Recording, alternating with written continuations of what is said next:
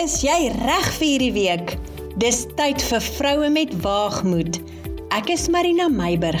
Skep saam met my nuwe moed uit God se woord. Hallo vriendin. Die nuwe week het aangebreek en met die belofte van lente wat al meer en meer sigbaar raak, groet ek jou vanoggend met 'n vrolike hart. Ek wil vandag saam met jou kuier oor moed van binne af. Visualiseer 'n laagte tussen berge. Aan die een kant teen die berg is die Filistyne en aan die oorkant is die Israeliete. Daar heers 'n beklemmende stilte.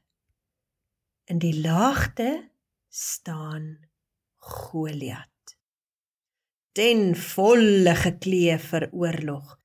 Sy grootte alleen is alreeds intimiderend en bo op dit alles is sy oorlogsmondering van koper swaar en indrukwekkend. En soos hy loop, weerkaats die son daarop. Goliat is die perfekte oorlogswapen wat die Filistyne teenoor Israel opstel. Met sy bulderende stem dryf hy die spot met God se volk, want hy weet dat bloot sy teenwoordigheid alreeds paniek saai. Hy tart Israel uit en vra waarom stel hulle uit om teen hom te kom veg, want hy is dan 'n Filistyn en hulle dienaars van Saul.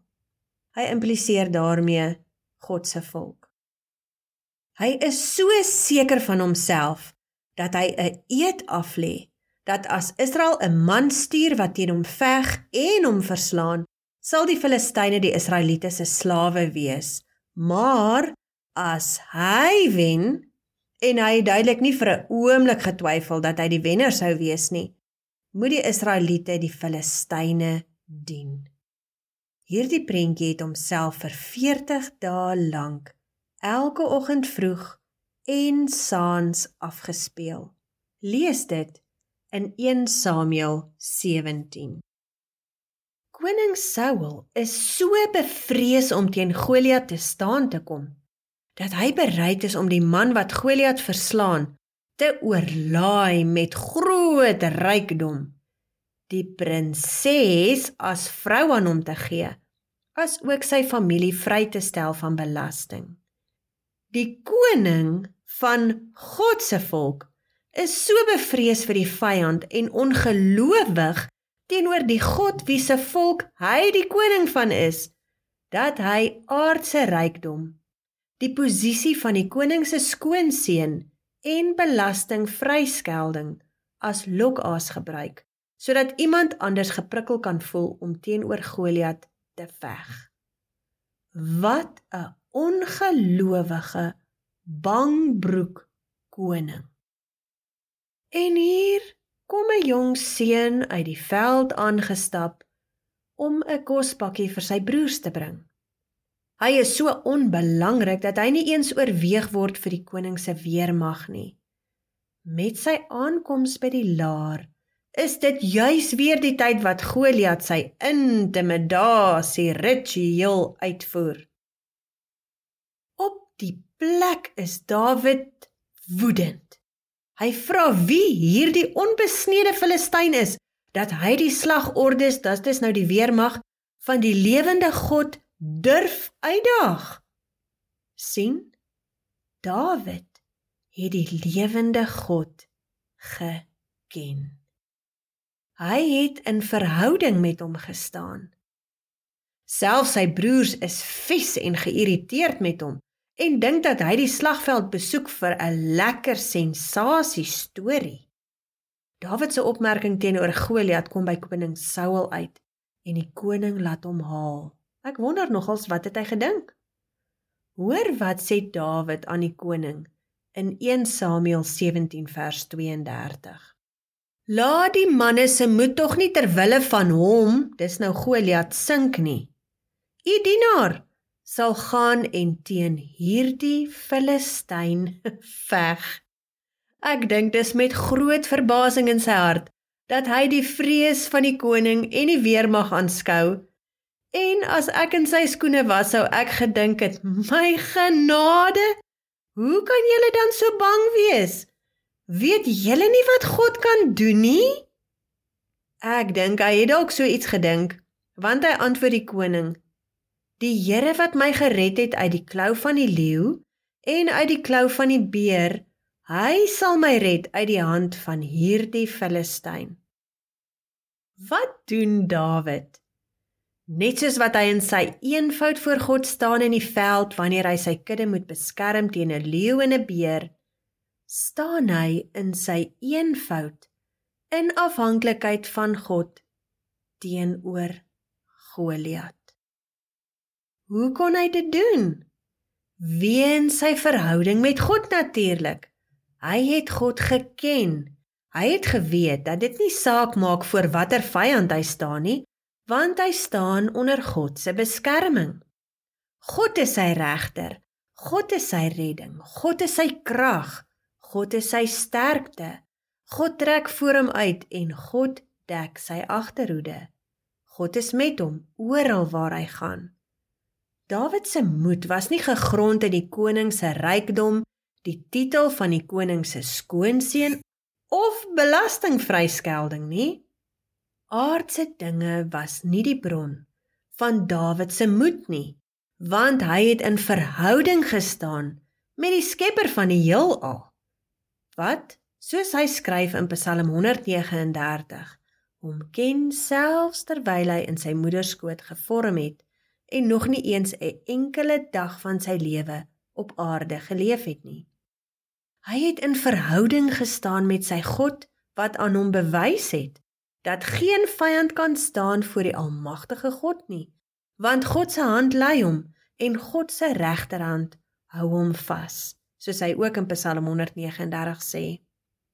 Nog voordat Dawid een tree teenoor Goliat op die slagveld betree het, was Goliat reeds oorwin in sy hart, want sy moed het van binne af gekom vanuit sy verhouding met God. Jy ken die uiteinde van hierdie verhaal. Nou. Vrou met waagmoed. Wat is die Goliat wat voor jou staan? Hoe intimiderend is jou Goliat? Hoe swaar gepantser is jou Goliat? Hoe bulderend is jou Goliat se stem.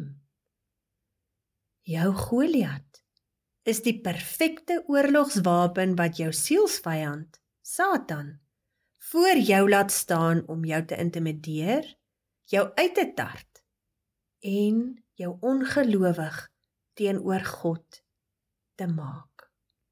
Jy is God se kind, net soos wat die Israeliete sy volk was met kom ons verwys na die slag van Goliat.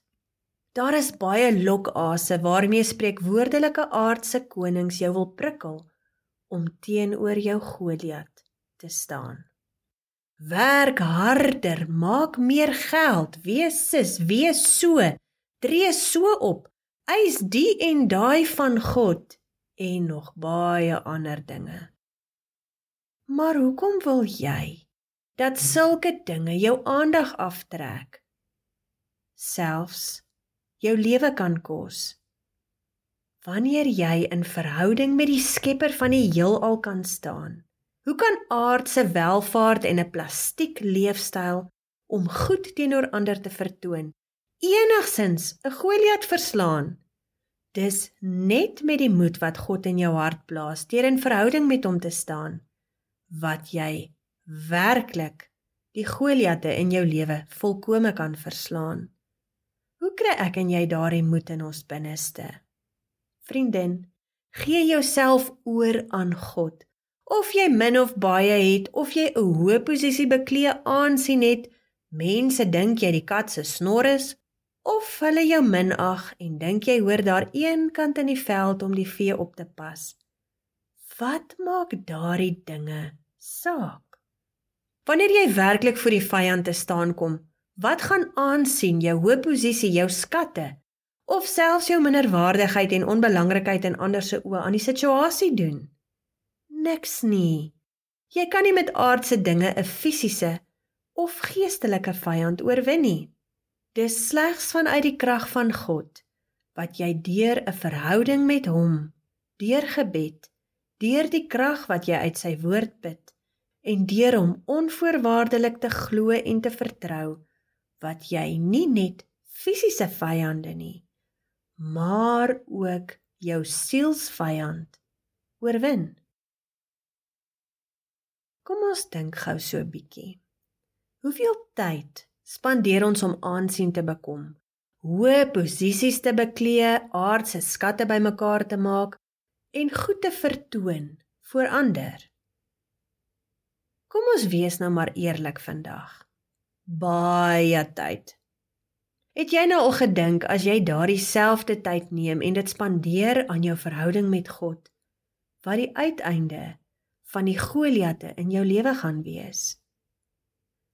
Vriendin, kom ons knip die valse skerms wat ons in ons lewe bymekaar maak, se toue af en vryval binne in verhouding met God in. Hou niks terug nie. Gaan voluit en gee jou hele lewe oor in sy hand. Ek wil jou aanmoedig om hierdie prentjie van Dawid en Goliat vir jouself te visualiseer. En dan dink jy oor die backup wat Dawid in God gevind het nog lank voordat hy voor Goliat te staan gekom het. Laat hierdie beeld vir jou 'n motivering wees om God te soek soos nog nooit voorheen in jou lewe nie. Ek wil jou aanmoedig om die hele 2 Samuel 22 te lees sodat hierdie beeld van God se backup vir jou 'n realiteit kan wees. Kyk 'n bietjie na God se backup in Dawid se lewe. 'n Verhouding met God is jou antwoord, nie wanneer Goliat reeds voor jou staan nie. Afgesonder in jou binnekamer ontmoet en leer ken jy God en plaas hy daardie moed in jou binneste wat na buite kom wanneer jou Goliat voor jou te staan kom in die laagtes van die lewe. Dink daaroor. Maak 'n kosteberekening en neem vir jouself hierdie besluit. Mag die gees van God jou lei en hierdie beginsel in jou hart wakker maak. Seën vir hierdie week wat voorlê.